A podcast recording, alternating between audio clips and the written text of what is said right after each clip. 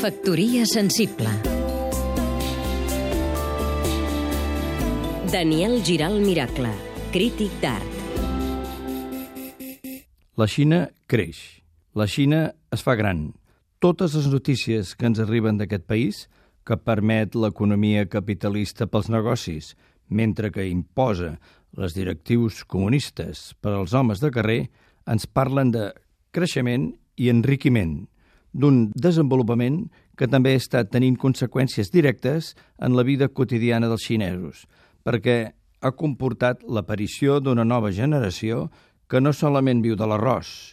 ja que té accés a la carn, al sucre, a la llet, etc., i que, per tant, és més alta i és més fornida, molt més que els seus pares i els seus avis,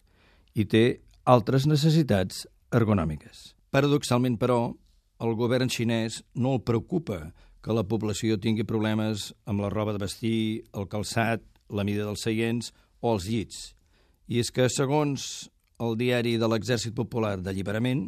a la tropa actual ja no li van bé ni els uniformes, ni les armes, ni el que sembla més important, les cabines dels tancs, dissenyades ara fa 30 anys. Per això, els seus comandaments s'han proposat renovar totalment l'armament, perquè els militars no se sentin constrenyits,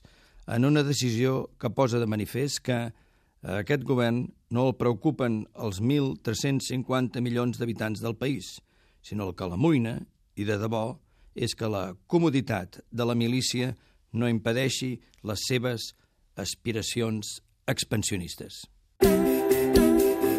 Factoria sensible